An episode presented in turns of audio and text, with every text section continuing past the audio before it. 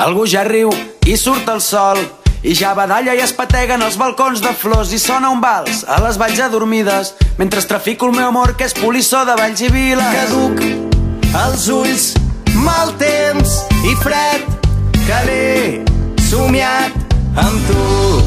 Un viatge llarg He robat a un circ sencer tota la màgia per regalar-te. He saltat 200.000 trens per fugir amb tu de matinada. I he seguit tots els camins i he traficat amb l'enyorança mil desitjos infinits sota la pell, la nit descalça.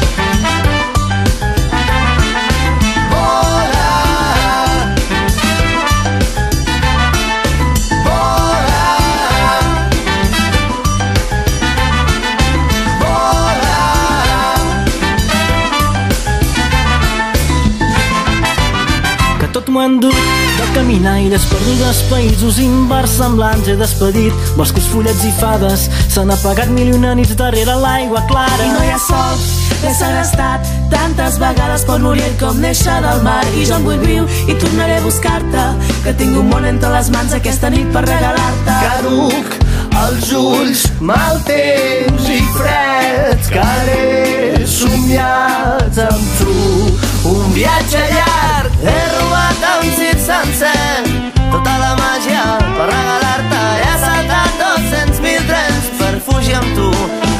matinada. He seguit tots els camins i he traficat amb l'enyorança mil desitjos infinits sota la pell. T'he dut tot el que tinc, tot el que duc a dins, el que he tret del camí, tot el que el temps m'ha dit i tu tens tota la màgia. D'on l'has tret? Quin és el secret? Torna'm-la quan no hi és, la troba a faltar. On estan els 40 lladres? T'he dut tot el que tinc, tot el que duc a dins, el que he tret del camí, tot el que el temps m'ha dit i tu tens, tu tens tota la màgia.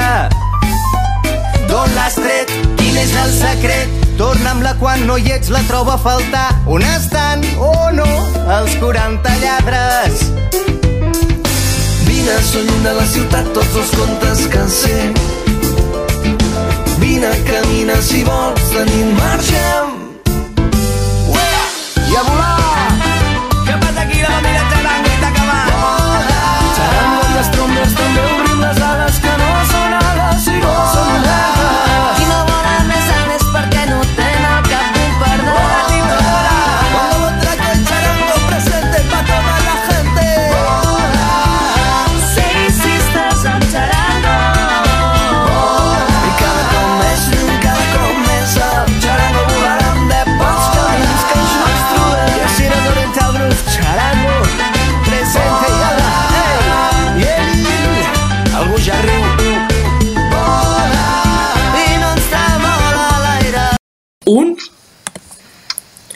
La violència de gènere. La violència de gènere es tracta d'un tipus de violència que afecta majoritàriament a les dones, pel simple fet de ser sèrio. Suposa un atemptat contra la integritat, la dignitat i la llibertat de les dones, independentment de l'àmbit en el que es produeixi. Avui, a la Trinca, venim a debatir què és realment la violència de gènere i quines són les millors maneres per frenar-la. Avui m'acompanyen Enric Elias, Bon dia. Jaume Elias, Hola. Guille Parés Hola, bona nit. i l'Ivan Colom. Bona nit. Vale, el primer que hem de tenir clar és que s'entén per violència de gènere qualsevol acte violent o agressió basats en una situació de desigualtat en el marc d'un sistema de relacions de dominació dels homes sobre les dones que tingui o pugui tenir com a conseqüència repercussions físiques, sexuals o psicològiques.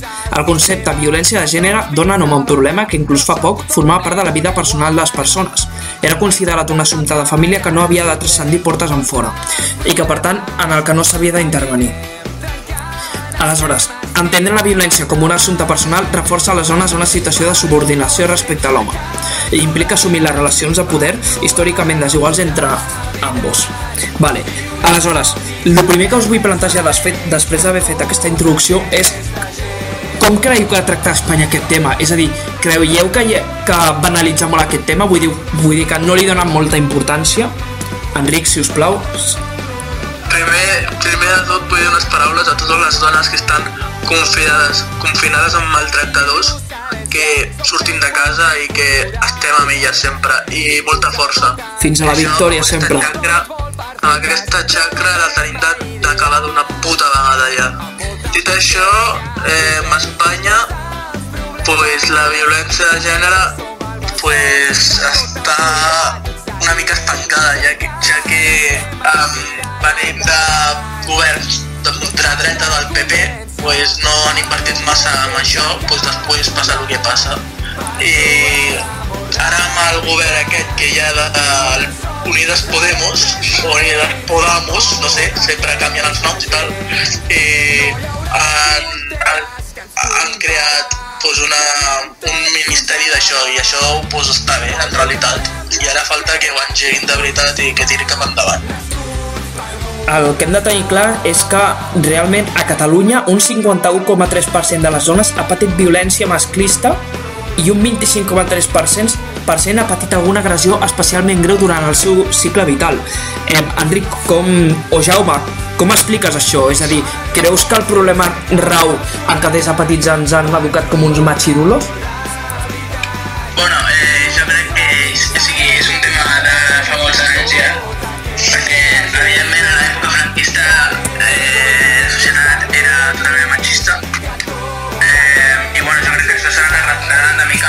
mica, no? de en generació i jo crec que la forma d'aturar això i de que tinguem una societat més feminista és eh, directament en l'educació, eh, invertir en educació bona i en qual les deixi clar des de ben petit que tots som iguals i, i mereixem el mateix respecte. I Guille, una de les principals vies que s'estan optant per intentar combatre aquesta violència de gènere, d'alguna manera, és el feminisme. És a dir, segons el teu parer, quina és la teva noció de feminisme? Vull dir, com ho veus? Perquè, clar, jo he vist moltes declaracions a molta gent que em, el veuen com coses molt diferents entre elles. És a dir, segons el teu pare, què és el feminisme? Sí, bueno, jo volia parlar que... Bueno, ho he explicat una mica abans i volia dir que la gent tingui clar que no és el mateix igualitarisme que feminisme. O sigui, l'igualitira... Li, l'igua... Igualitarisme Gràcies. L'igualitarisme Sigue, sigue. és un concepte que molts homes que no estan a favor del feminisme hi han posat per, per com defensa de la seva... De, de com, ha, com ha dit la, eh, el Jaume, de su aspecto machirulo.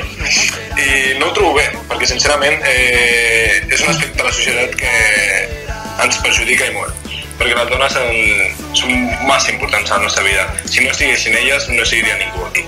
Llavors, dit això, eh, el feminisme s'ha de dividir en dues parts. És com qualsevol moviment social. El feminisme normal i el feminisme que busca la igualtat entre homes i dones i el feminisme extrem. Aquestes, aquests dos extrems que es poden diferenciar per una línia vermella molt fina, molt fina, però es diferencia, és el que hem de vigilar. I hem de mirar per el bé de la societat i no caure en extremismes. Bueno, jo crec que quan es passa ja feminisme radical ja no estem parlant de feminisme perquè ja estan perdent aquesta igualtat, saps? Ja, però Jaume, el cas d'entendre és que en tots els moviments socials hi ha una radicalització. Sempre. Sí, això sembla. Això, això és obvi. I aleshores, Enric, si depengués de tu, quines mesures emprendries per combatre tot això? Vull dir, em, quina llei inventaries, per exemple? Hòstia, joder. És una pregunta fotuda, vull dir...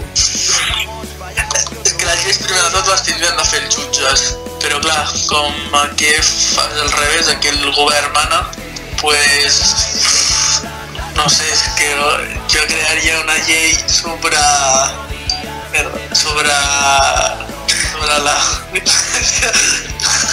a ver, no sé, és que no de pensar perquè complicat. Doncs, L'hem pillat en blanc, l'hem pillat en blanc. doncs segons el meu parer, jo, jo crec que, mira, les principals em, casos de violència masclista, a part de dels casos que hi ha doncs, a casa tenen lloc quan les dones, vull dir, surten de festa, no? Al cap i a la fi jo també veig com una mica un condicionant que, per exemple, discoteques com Cocó Mataró eh, sexual, sexualitzin tant a la dona. No creieu? Vull dir que, per exemple, facin que les dones entrin gratis Sí, sí, això és una, una aberració, és que, que totes, per desgràcia, no només Coco, gairebé totes. I, eh, clar, això també d'alguna manera és violència masclista, no és física però sí que és eh, d'alguna manera psicològica, no? ja, de, ja que a cap i a la fi estàs deixant a la dona com si fos un objecte, com si fos un, un premi. I jo crec que això tampoc pot ser. Producte mercantil. Ara, el Jaume ens porta unes, bueno, uns comentaris que li han deixat els oients, així que Jaume, si els tens a mà i ens els pots llegir. I tant, ara, ara, ara dic. O sigui, tenim tres, tres versions, tres opinions, eh, en la qual la primera ens explica, Laia Roses, ens explica que la policia hauria d'actuar abans, no quan ja hi ha un cadàver o 50 ordres d'allunyament. O sigui, està exigint més duresa per la policia. Eh, Això també és veritat. la segona, de MBC, educació feminista real, en tots els aspectes possibles, de construcció dels rols de gènere, rols de poder, etc. Amb això jo estic totalment d'acord, necessitem una educació més bona i més igualitària. Raó. Això, això, Eh, sí. Digues. No, que això també és interessant perquè, com he dit abans, sempre des de petits ens han ensenyat que ens han educat com si fossin uns machirulos i com que els homes som els, som els millors i som, som els més grans i no hemos de dejar que nadie nos pisotee. I jo això ho veig molt, molt dolent. Jo crec que al final tots hem de partir d'una homes i dones d'una mateixa base i començar a treballar, no? Que com diu Charango, treballar per, per construir. Dit. I la última, que no entès molt bé la pregunta, però bueno, de la situació, però em ficaria al mig segur. És a dir, estem parlant de quan si veu una acció machista en directe, que ja no dubtaria en posar-se al mig i defensar a la noia. No evidentment, evidentment, només faltaria. I tant. N'has dit... Sí, n'has dit una que... Digues, Guille. Sí, jo voldria apuntar una cosa que... Sisplau, pots repetir la primera resposta? La primera resposta. Sí, jo també volia dir això, lo de la policia. Sí, lo de la policia. Eh, diu, la policia haurà, hauria d'actuar abans, no quan ja hi ha cadàver o 50 hores d'allunyament. Vale. Eh, això ho voldria comentar perquè jo crec que és un tema molt difícil de controlar. Perquè és veritat que la policia podria fer més, però hi ha molts més aspectes al món. És a dir, per exemple, eh, com podem saber eh, què, què està pensant la persona al costat? M'entens? Sí, sí. En plan, Que clar, és, sí, és més fàcil. és molt difícil, però jo crec que la policia fa el que pot, sincerament. Llavors, eh, és, és responsabilitat de tots i totes educar els nostres fills amb una mentalitat eh, feminista, eh, igualitària entre tots, i, i llavors eh, ara amb el temps esperant a que rebaixi la, la xifra. Però jo també, jo al cap i a la fi penso que si tu focalitzes, per exemple, la policia focalitza... Clar, pensa que jo crec que al dia n'hi ha moltíssims casos aquests. Deuen rebre una quantitat de trucades impressionant. Aleshores, si tu focalitzes tota la teva atenció en un, en un cas, estàs deixant de banda els altres d'alguna ma- d'alguna manera, no? Aleshores jo crec que s'hauria de fer alguna cosa per com tenir-los tots controlats, però és molt complicat. Doncs ja heu vist que tots estem una mica a la mateixa línia, és a dir, partint de que hem de rebre des de petits una educació feminista i que també exigim que per part de la policia un, enduriment, un enduriment ja que, per exemple, és una vergonya que per maltractar o violar a una noia als 5 anys et donin llibertat condicional. Um, anem un moment, un moment a publicitat, us deixem amb una cançó dels Doctor Prats que es diu Lliure.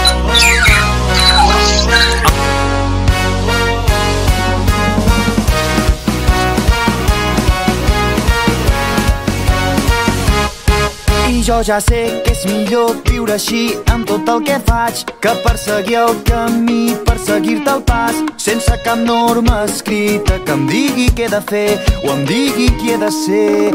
Mai m'ha importat ni com ets, ni què vols, ni amb qui vols estar. L'únic que m'ha importat que siguis de veritat i no pensar-hi massa ben lluny del que diran, del que diran. I ara una cançó oh, oh, ressona des del cor i fent el salt al món. Travessem els horitzons i després de tot quan només quedem tu i jo oh, oh, s'ensorrarà la por. Jo vull viure així i ser lliure cada pas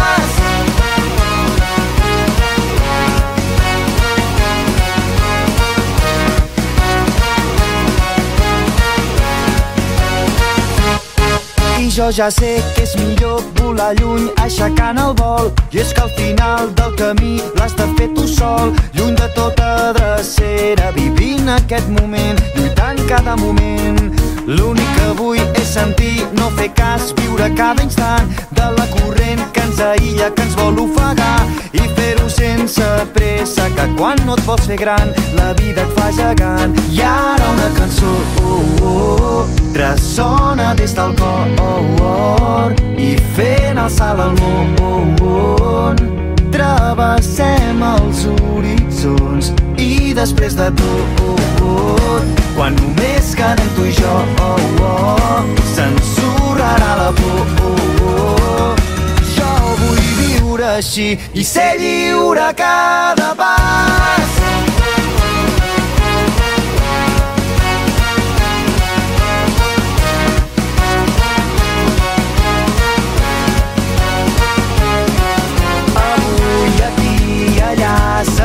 serem present.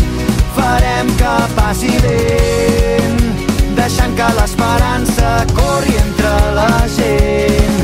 Avui aquí i allà serem presents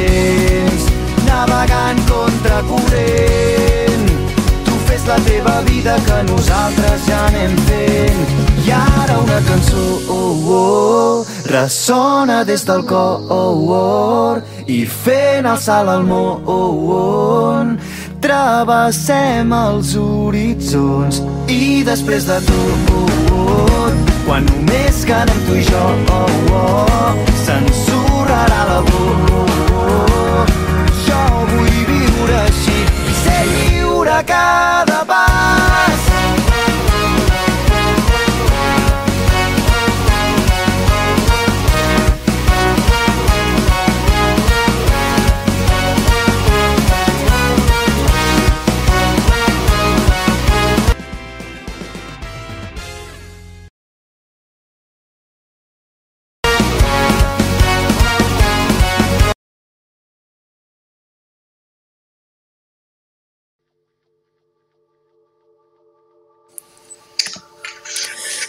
I en esports, sis directius de Bartomeu dimiteixen en bloc de la Junta del Futbol Club Barcelona.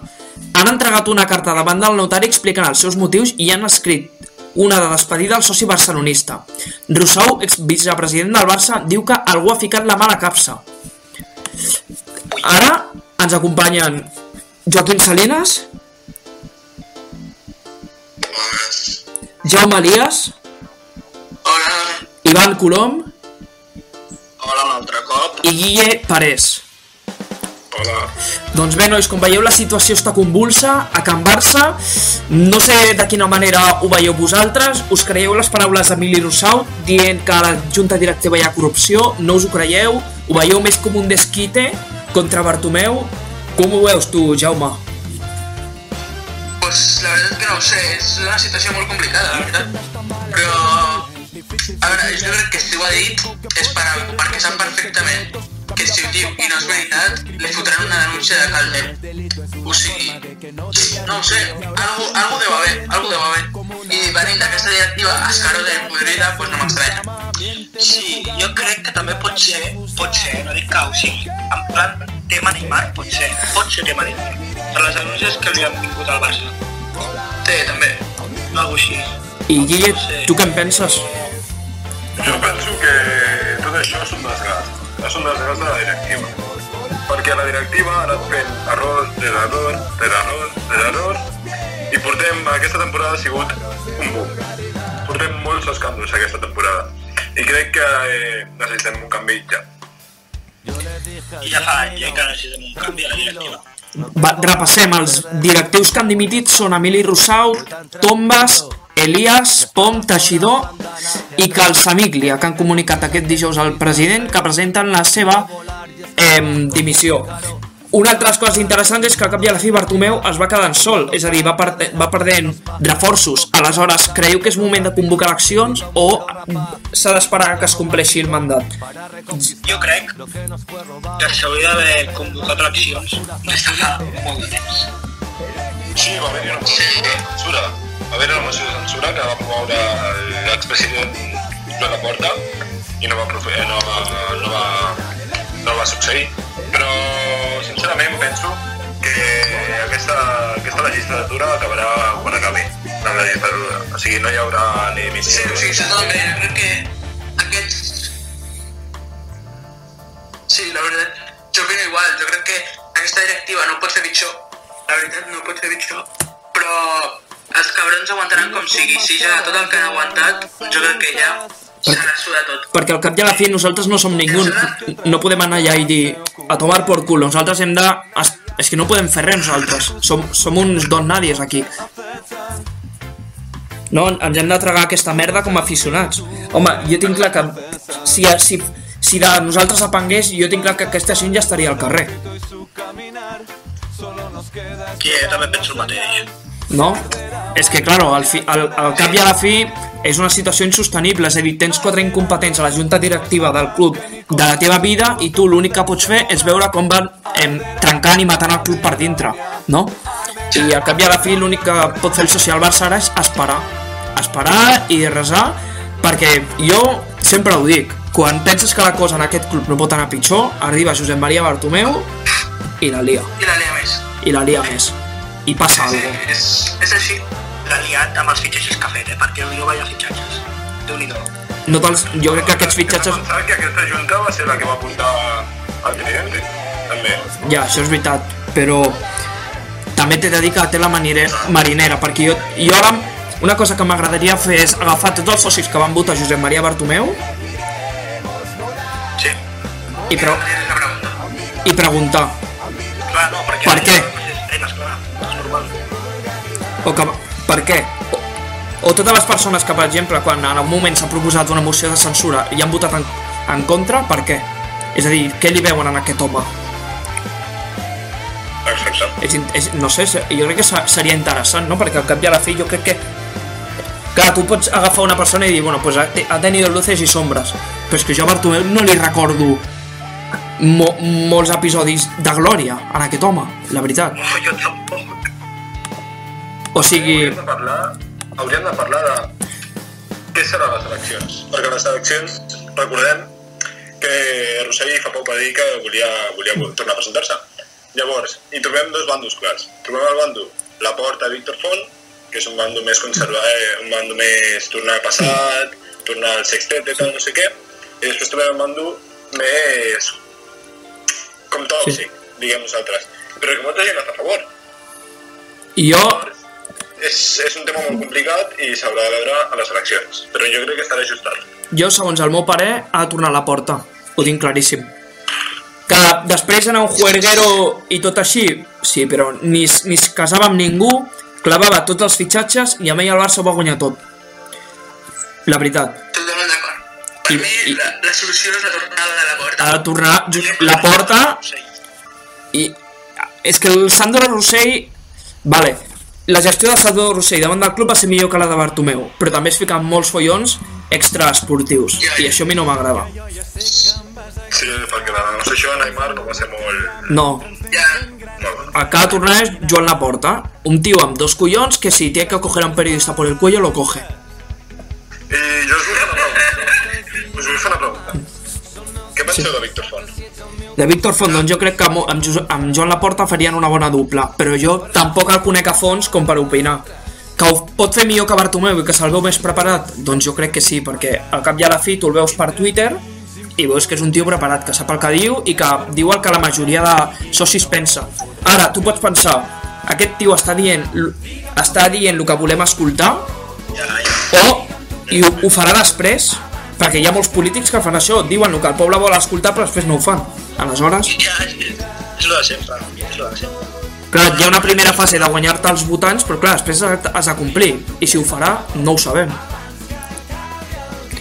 També, també cal recordar que Xavi fa poc va dir que es portava bé amb la porta, tal, no sé què, però també que era molt amic de Víctor Font. Llavors és un altre punt important a les negociacions i amb Xavi, per nou president, ai, per nou entrenador. I el que hem de tenir clar és que, a part de Xavi, també n'hi ha hagut altres casos com Carles Puyol, Puyol que han donat l'esquena a la directiva, no? Que la directiva els ha anat a buscar i els han dit no, i jo con vosotros no me junto. No, això és un clar exemple del que és aquesta directiva, no? Ja, però perquè potser el Puyol ja, ja, ja s'olorava alguna cosa. Clar, és que és això. Això, això. I un altre tema. Estiu, el Barça necessita reforços. Em, tres dels jugadors de la seva davantera superen els 30 anys. Avui us port, si l'altre dia us portava el nom d'Adama Traoré, avui us porto un altre nom que a mi em sembla molt interessant i que no crec que et demanin una millonada no sé si sabeu qui és, té 20 anyets, juga a la Real Sociedad i es diu Alexander Isaac. No sé què en penseu vosaltres d'aqu- d'aquest jugador. A mi, sincerament, m'agrada molt. És perfil, jo diria que és perfil Harry Kane, és a dir, jugador molt, molt gran, com molt gran físicament, però és un cazagoles. I al Bernabéu fer una exhibició. No sé si l'heu vist jugar. Sí, Bé, estic buscant una mega d'informació. Sí, jo penso que no, no encaixaria al Barça, sincerament, per la raó que, que és com heu dit, és un jugador massa, massa Harry Kane, i jugadors Harry Kane així, tal que és tal, que entra a l'àrea, tal, no sé què, que no. El Barça el que necessita és trobar un jugador que sàpigui combinar, que tingui visió, Timo- i a la vegada tingui aquesta habilitat de ser goleador. Jo tinc un nom, Timo Werner. Però clar, i- el problema és que el, el Bartomeu l'ha descartat, però jo el, fi- jo el fitxaria, però el Bartomeu l'ha descar- l'ha descartat. Timo Werner o Lautaro Martínez. Però, però aquí, aquí, aquí m'agrada més. En plan, el que has dit abans, aquest home, l'Alexander Isaac, el Barça ha fet molts, molts fitxatges inútils, i aquest jo crec que és un. Perquè, mira, ha fet... Tothom deia, mira, vindrà el... com es deia aquell? El Malcolm. Dirà, hòstia, el Malcolm és boníssim. Mira, on està? Fora, després, més. O Coutinho. Coutinho, per exemple. Coutinho, Coutinho, i- jo crec que el problema de Coutinho és que no l'han sabi- no sapigut col·locar al camp. col·locar a la seva posició, exacte. Que fo- fots, fots extrem un tio que no corre, que ha de jugar per dintre, Ja, ja el foten allà, però bueno. com si, com si fos, jo que sé, Gareth Bale. Ja, Jerry Mina, mira, Jerry Mina. Guerri Mina és bon jugador, però el Barça no l'ha sapigut aprofitar. Jo crec que al cap i a la fi és un problema que els jugadors no s'adapten al Barça. És a dir, per exemple, Todibó mm, se'n va al Schalke i, ho peta allà.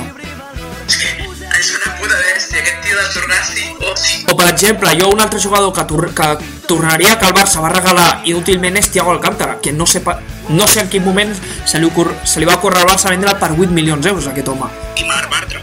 I Marc Bartra, home, Marc Bartra seria, seria un bon suplent. I el que va fer molt malament, però això sí que ho trobo una, una tonteria, bueno, el que va fer fatal va ser el Bartomeu deixar escapar aquell alemany tan bo que està al Borussia Dortmund, que no me'n recordo. Ah, això. Ara potser, ara potser Sí, això va ser, això va ser la putada. El puto Haaland. Necessitem un delanter, jove, bo, prometedor. Aquest tio ho és, ho és tot i el, el, el Borussia te'l fitxa per 20 milions. M'estàs dient que el Barça no podia haver fet i et fitxa per 8 per 18? Oh, va, costar, va, va costar 40 el Haaland, em sembla. No, no, vine, vine. I jo, jo, eh, jo, per mi, el dia en què vaig deixar de creure en aquesta directiva va ser quan el Barça va deixar escapar Marco Asensio. I jo ho sento, però jo crec que aquest jugador del Barça ho hagués patat. Va deixar escapar Marco Asensio per 4 milions d'euros. O sigui, jo l'hagués fitxat aquest home. Jo, vale, ara està, està lesionat, però jo crec que és un jugador que hagués aportat molt al Barça. T'ho imagina't Messi amb Marco Asensio i Griezmann. Ha sigut una, una animalada, això. També hi ha fitxatges que hem fet que no acaben rendint al 100% però acaben rendint. Per exemple, el tema de Frankie de Jong, de Jong que esperava molt més d'ell, molt més. Però jo crec que també afecta molt el tema de qui va ser. Però saps, saps, sí, però saps quin és el problema de De Jong? Que tampoc l'han sapigut, l'han sapigut col·locar al camp. L'han col·locat com mig centre defensiu i De Jong no és mig centre defensiu, no pot fer de Busquets. De Jong és un jugador més posicional per a jugador con llegada, com si fos, jo que sé, Iniesta, un, un interior pur. Clar, si el fiques de MCD, és que clar, el pobre nano, normal que, no- que no en rendeixi al final. És això, jo crec que el problema del Barça no és, no és que els jugadors que fitxis siguin dolents, sinó que no els saben col·locar al camp. És a dir, que fitxes un mig, un, un mig centre, vinga, doncs el fico d'extrem. És que, I jo el que trauria seria el Busquets. de, de, l'equip, de, de l'equip, Però un moment, el Busquets és bo, però ja s'està fent una miqueta grandet. però no el treguis, treu, jo trauria abans el Rakitic, eh? És que el Rakitic, és que sí, no, saps? Però és que el Busquets és, està fent gran, Jo trau... està perdent bastantes pilotes. Jo crec que necessitem, necessitem un canvi, un, una revolució generacional. O sigui, jugadors tipus Busquets, Piqué, Suárez, aquests jugadors ens en donen molt. Però és que el club ha de seguir sense ell. Jo, jo, jo crec que... Jugadors. jo, mira, mira que em cau malament el Madrid, eh? però a mi m'hagués agradat tenir un jugador com Cristiano Ronaldo al, al Barça. Un jugador, un animal, un animal, és un animal competitiu aquest home. Hagués fet molt mal, eh? És un animal competitiu. Ja, però el Barça no està a punt de fitxar-lo al 2003, recordem. Un tio que et marca 30 gols per temporada, qui no el vol tenir? I, I jo, que si el Madrid... Que si... Jo crec que el cas ja no és Cristiano, és passat i més. Ja, però... Ell. Ara toca eh, una revolució de plantilla. A veure, No. clars, però joder, Però que, que jo dic que... que tinguis collons de dir-te, eh, manes tu. Però, I en comptes de, de fitxar jugadors, jo el que és la cantera de la facilitat. jo he, he vist molts cops al Barça B i a mi Alex Collado em sembla un ju- jugadorazo. I, inclús, és que Riqui Puig, et diria Riqui Puig, però és que no, no té cosa que com, però... No sé, el que anava, si el Madrid ha sigut capaç d'agafar Cristiano i treure pasta d'ell, jo crec que el Barça ha de poder fer el mateix per Piqué, Busquets, Luis Suárez i companyia. També hem de recordar que Rakitic eh, fa dos estius el PSG el va voler fitxar per 80 o 90 milions d'euros. I el Barça va dir que no. És que estem sempre les I mateixes. ara està valorat en 40 milions 30. El que es queda clar el que queda clar és que ens trobem davant d'una junta directiva molt incompetent, que no està fent bé la seva feina, realment creiem que no hi ha una planificació de fitxatges, no? És com, el, com la típica persona que va al paqui solo porque tiene hambre pero no sabe qué va a comprar, sinó que va ahí i a veure què encuentra. I jo crec que això no s'ha de fer. Jo crec que abans de començar cada temporada s'ha de fer una planificació, no? I el fet de que el Barça s'estigui anant a la deriva és culpa única i exclusivament del senyor Josep Maria Bartomeu. Bartomeu. Nosaltres marxem a publicitat, però us deixem amb una cançó d'Oques Grasses que es diu Bancals. de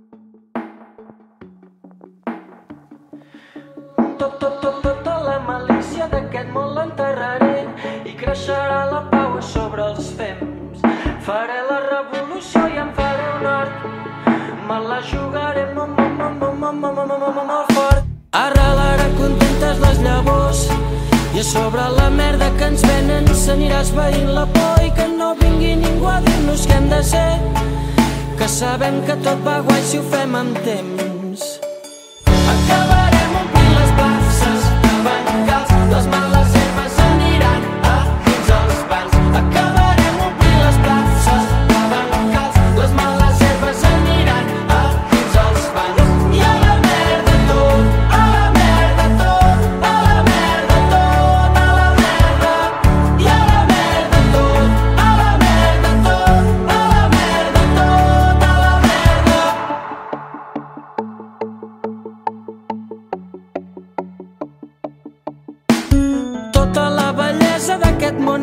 Dins teu i cada passa que vas fent és l'altra i l'altra és la següent. Que sobren armes i falten gronxadors, falten gronxadors, porta gronxadors. La pau dels cargols és la nova religió, la pau dels cargols és la nova religió. La nova era comença on s'acaba el formigó, la pau dels cargols és la nova religió. I amb quatre flors i un guai. I amb quatre flors i un tros de blau ja faig que fa bon dia i no em cal ser tan guai.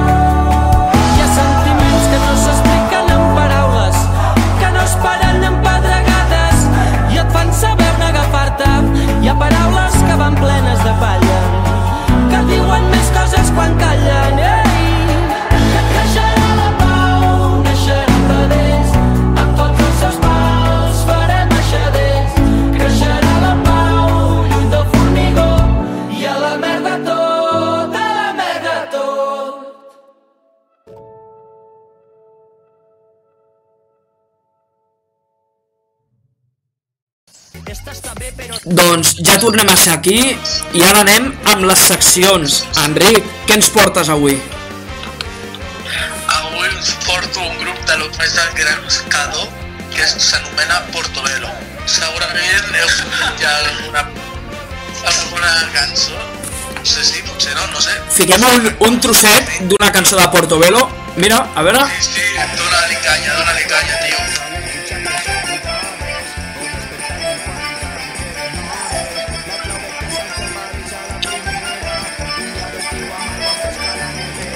Doncs ja ho veus, és un grup molt ric i molt viu, no, Enric? D'on són? Eh, són d'Altafulla i són una banda molt jove, ja que han començat molt, molt fa poc, molt breu, i, eh, i aquest, hi ha pronòstics que ho petaran molt a les festes majors i festivals, tot i que l'amenaça del coronavirus ha estabilitzat la cultura i això no, no pot ser, me cau tot amb el, amb el, amb el troncs aquest del coronavirus, tu. Perquè Si s'acaba ja i tornem a la normalitat, perquè ho necessitem ja, perquè joder, la cultura ho nota i tothom ho se nota. Recordem que tenen dos discos, L'ull de la tempesta i dies que comencen, pot ser? Correcte, molt ben dit, company. Doncs ja sabeu, Portobello, grup d'Altafulla, i jo sempre he pensat que són una mica una cantera de buos, no, Enric? Són un grup molt semblant, o sigui que si us agraden els buos, doncs Portobello és el vostre grup. Eh, Jaume, estàs per, Jaume, estàs, estàs per aquí?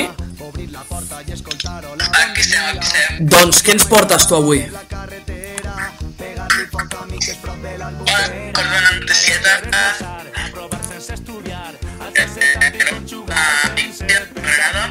que abre confinament va i s'han i s'han àmbits religiosos eh, no sé. Jo van estar missetes de hòsties i es van per quedar-se a casa i no sé, això ho veig lamentable la veritat Doncs ara no sé plan A- En resum, que a Granada es veu que n'hi ha hagut una missa a un terrat i que la policia ha hagut d'intervenir. Ho dic perquè s'escoltava una mica tallat i no sé si ens han escoltat els oients, però la idea seria aquesta, no? Que quedeu-vos a casa, no feu l'idiota, si us plau, perquè al cap i a la fi això al final ho acabarem pagant tots. Em, I ara tenim per aquí el Guille, que ens porta un restaurant. Mm, a veure, Guille, amb què ens sorprens? Eh, que he tingut experiència personal. Vaig estar treballant allà durant les meves pràctiques i és un restaurant molt bo que es diu Caetis, eh, situat a la Via Laietana, prop del metro d'Urquinaona. I... Urquinaona! Ho tornarem a fer! Ara ja pots seguir, company. Sento que m'he emocionat. És un restaurant amb influència eh, francesa, la gastronomia espanyola però amb influència francesa, i la meva experiència allà va ser bastant gratificant perquè en aquests restaurants pots descobrir com, com es viu la gastronomia realment, perquè hi ha molts restaurants que ho fan molt malament. Llavors, en aquests restaurants de categoria estrella Michelin, recordem que tenia, té una estrella Michelin que se la van tornar a donar aquest any, la va, la va aconseguir el 2019 i el 2020 li van tornar a donar l'estrella Michelin. Eh, aquí podem veure on realment la gastronomia, la gastronomia és bona. I, per exemple, quin plat ens recomanaries allà? És a dir, més o menys què hi podem trobar a la carta? A la carta, mira, podem trobar eh, dos tipus de menú. Hi havia un menú curt de, de 80 euros i degustació, tal, i després hi podem trobar un altre menú més car, 120 euros, més o menys, eh, amb, molt, amb més plats, i volia recalcar que en els dos menús em va sorprendre una cosa que hi donaven, i era una cistelleta amb quatre tipus de pa diferents i amb tres tipus de mantequilles diferents. Doncs, I llavors, els tres tipus de mantequilles seran tomàquet, oliva i d'oli. Llavors, eh, jo crec que són molt bons per anar, però també és un poder adquisitiu alt. bueno, doncs, un, com qui diria, una vez, una, una vez al año no hace daño. I, Ivan, estàs per aquí? Jo sí. I si us agrada el futbol, avui l'Ivan ens porta un 11 titular que creiem que al Barça li podria anar bé, no, Ivan? No, t'has equivocat. Jo aquí us porto una plantilla per aquests dies. Us la podeu fer a casa del FIFA 20 de Foliconos. Us la dic o no? Dispara, mestre. Pues mira, tenim a l'extrema esquerra el Rivaldo de 92. Al central, el Raúl. Al Figo tenim aquí també el Cuir. Tenim aquí el Zanetti, cuidao. El Canavaro, de defensa. Central, tenim aquí també el Puyol. Tenim el senyor Anderson. I ja està. I ja està, això és la plantilla, Ivan. Sí. Doncs eh, ja ho veus, una plantilla amb la que si no guanyeu una Champions esteu ben perduts. Doncs bé, nosaltres marxem, però us deixem amb una cançó de La Pegatina que es diu Gat Rumbero. I en una altra vida vaig estudiant. Tirant, tirant i anar tirant. Patada al cul, roba a la porta M'hauré d'espavilar. Vaig voler salvar cent vides amb el cas de bomber. Però tot just en duia quatre Que el foc se m'endugué. Serà que no he nascut per ser un heroi? Serà el destí, serà la sort Ja no tinc solució perquè sóc el gat El gat rumbero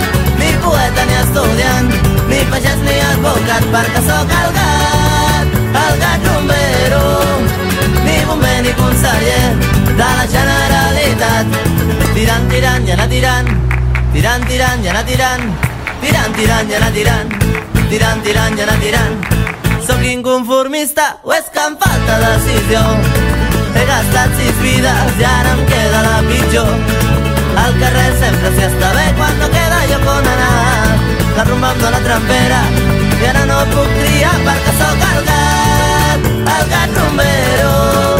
Ni poeta ni estudiant Ni pagès ni advocat perquè sóc el gat El gat rumbero Ni bomber ni conseller de la Generalitat perquè sóc el gat el gat rumbero i em tirant monedes al sombrero perquè sóc el gat, el gat disparant aquell que balla pel terrat sóc el gat, el gat rumbero i em tirant monedes al sombrero perquè sóc el gat, el gat disparat aquell que balla pel terrat perquè sóc el gat, el gat rumbero i em tirant monedes al sombrero perquè sóc el gat, el gat disparat aquell que balla pel terrat